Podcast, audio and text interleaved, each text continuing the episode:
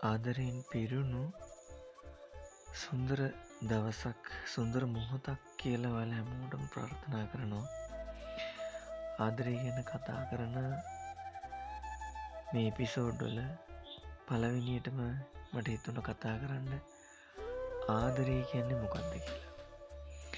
මහිතන මේකට විවිධ විවිධ අර්ථකතන තියෙනවා.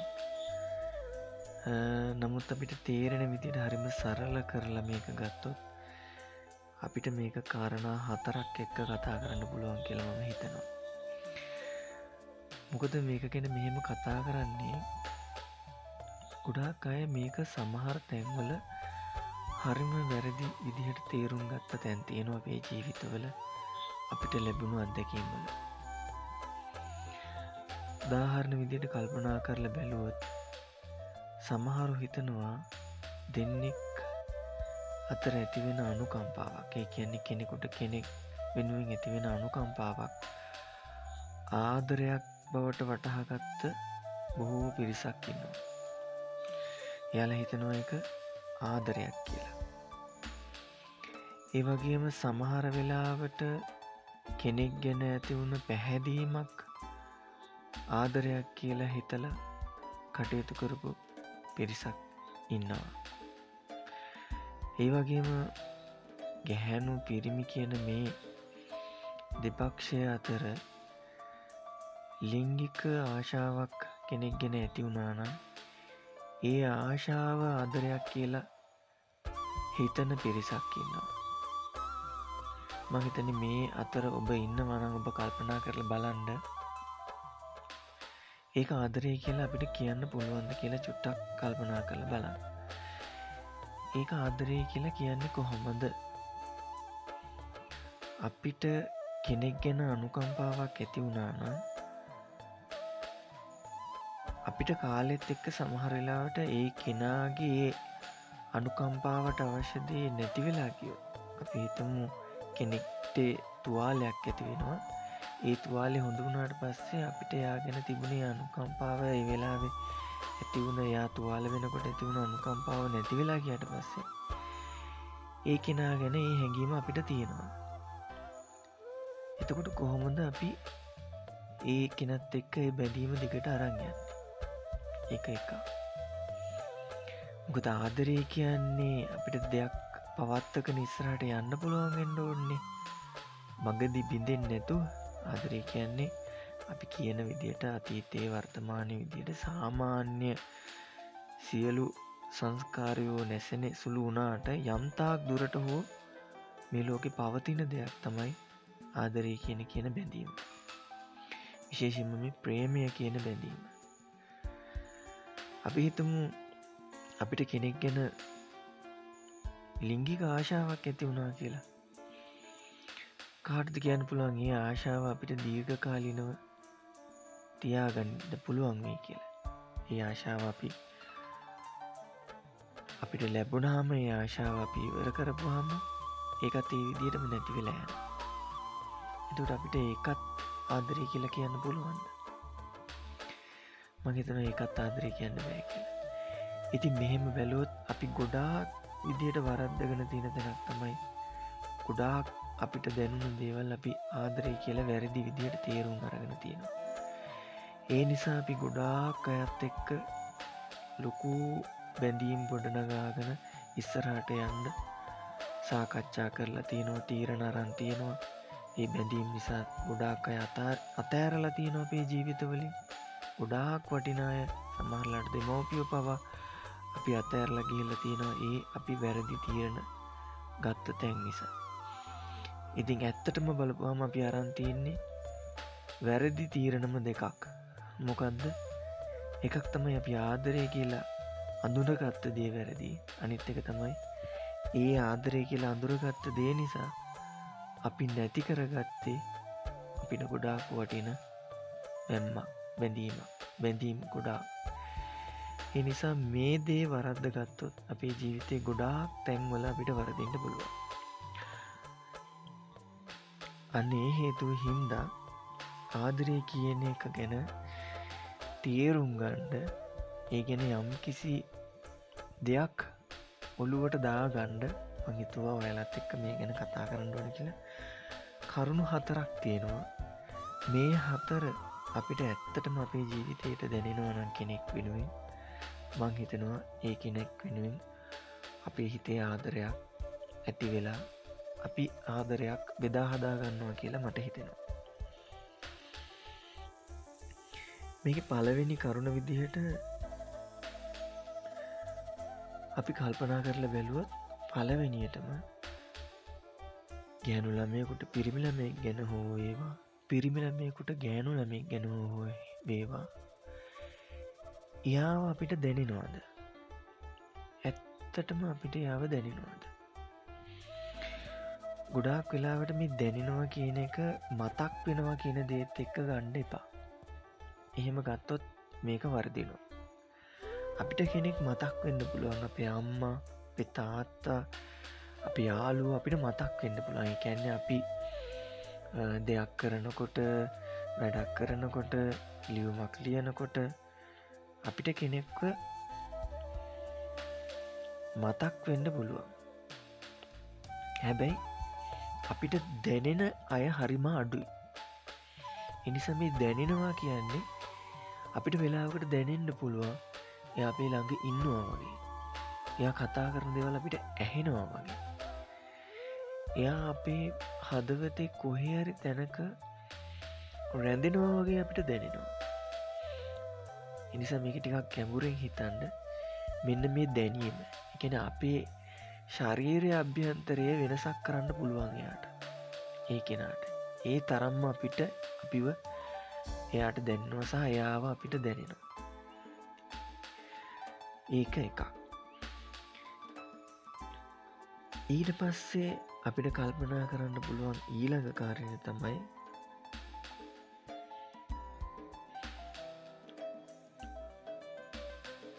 අපේ හිතේ තියෙන දේවල් ප්‍රශ්න වෙන්න පුළුවන් ගැටලු වෙන්න පුළුවන් අනාගතය ගැන වෙන්න පුළුවන් අපේ පෞද්ගලික දෙයක් වෙන්න පුළුවන්. අපිට නිදහසේ එයත් දෙක කතා කරන්න කිසිම බාධකයක් බයක් සැකක් නැතුව හරිම විවෘතව එයත් එක කතා කරන්න පුළුවන්. අන්න එහෙම හැඟීමක් ඔයාලට තියෙනවද කාගේ හරිගෙන යත් එක්ක කිසිම දෙයක් හංගන්න නැතුව අපිට නිදහසේ අදහස් සුව මාරු කරගෙන දෙයක් ඉගෙන ගන්න පුළුවන් තත් එක කෙනෙක් එක්ක කතා කරන්න පුළුවන්කමක් ඇති වෙලා තියෙනවා. අන්න ඒක හිතන්න.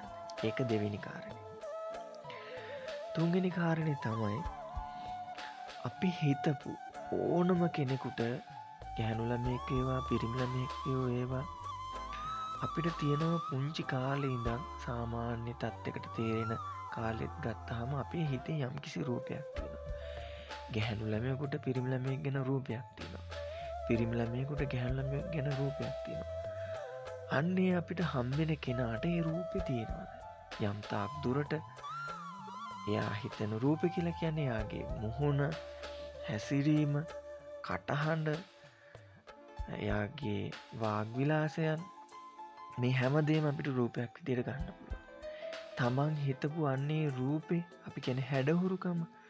අන්න ඒක සියට අනු පහක්වත් එයා ළඟ තියෙනවද කියන එක අපිට හිතන්න පුළුව අන්න එක තුන්වෙනි කාරණ. ඊළඟට අපි හිතන්න ඕන තුන්වෙනි කාරණින් පස්සේ අපි තන්න ඕන හතරවෙනි කාරණය තමයි අන්තිම කාරණය අපිට දැනෙනවාද එයා ළඟ ඉන්ඩෝනි කියල හැඟීමක් එකැනේ අපිට එයාගේ උණුසුම විඳින්ට අවශ්‍යයි. එයාගේ උණුසුමේ ඉන්ඩෝනි කියන අවශ්‍යයි. එය ගුණුසුමේ දැවට එන්ඩෝනි කියල් හැඟීමක් අපේ හිතට දැනෙන අපි ඇඟට එහෙ මූමනාවක් දැනෙනවා. මෙතනත් වරද්ද ගන්න එපා. මෙතන කියන්නේ ලිංගිකත්වය නෙවේ එක මම වඩලට පැහැදිලි කරන්න. මේක ලිංගිකත්තේ නෙවේ උණුසුම කියන්නේ වෙනමම දෙයක්. ලිංගිකත්වයට මේක ගැලපෙනව තමයි. නමුත් මේක ලිංගිකත්වයෙන් නෙවෙයි බොද අපිට පිහයකින්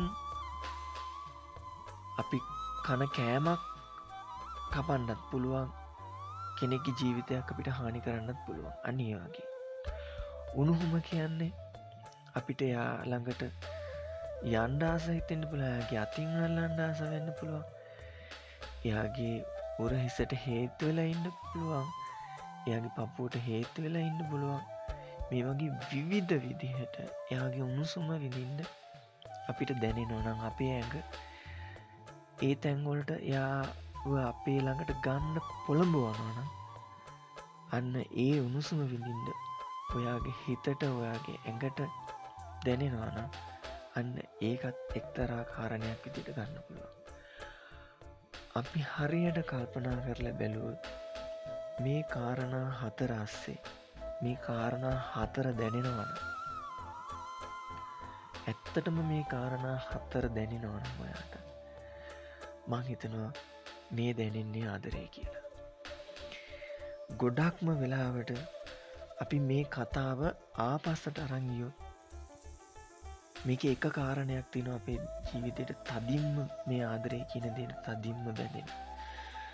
අපි බැලුවොත් අපිට කෙනෙක් ගැන උණුසුමක් ඒ කෙනත් කෙනාලගේ ඉන්ඩ ඕන කියලා කෙනාගේ උණුසුම විඳින්ඩ ඕන කියල හැඟීම ඒකත් අපිට අයින් කරන්න පුළුවන්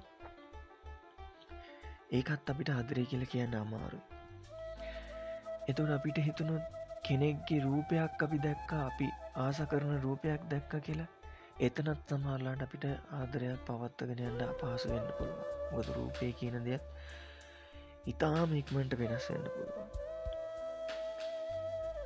එතකොට සමහර වෙලාවට අපි කිව්ව අපිට නිදහසේ කෙනෙක් එක කතා කරන්න පුළුවන්. අපේ හිතේ තියෙන දේ බයක් නැතුව හරි විවෘතව කතා කරන්න පුළුවන් කියන එකත් තුළ ආතරේ තියෙනවා කියලා කිව්වොත් ඒකත් අපිට එහෙමම කියන්න බැහැ. මොකද සමහර වෙලාවට අපේ විශ්වාස කරන දෙයක් කියන කෙනා එයා වෙනස් වුනොත් සමහල්ලට අපි ආපහොයාට දෙයක් කියන එකක් නැහැ. මොකද එයා කෙරෙහි තියෙන බැඳීම එයා කෙරේ තියෙන විශ්වාසය සමහරට අපිට පලු දුන්නොත් අපි ආ ඉදිරී විවෘත වෙන්න නැතිවේ නිදහසේ අදහස් ප්‍රකාශ කරන්න නැතිවේ. ඒත් මතකතියාගන්න අපි පලවෙනියටම කතා කරපු කාරණය. මොකක්ද එයාව අපිට දැනෙනවාද මෙන්න මේක හරිම වැදගත් ආදරයේදී.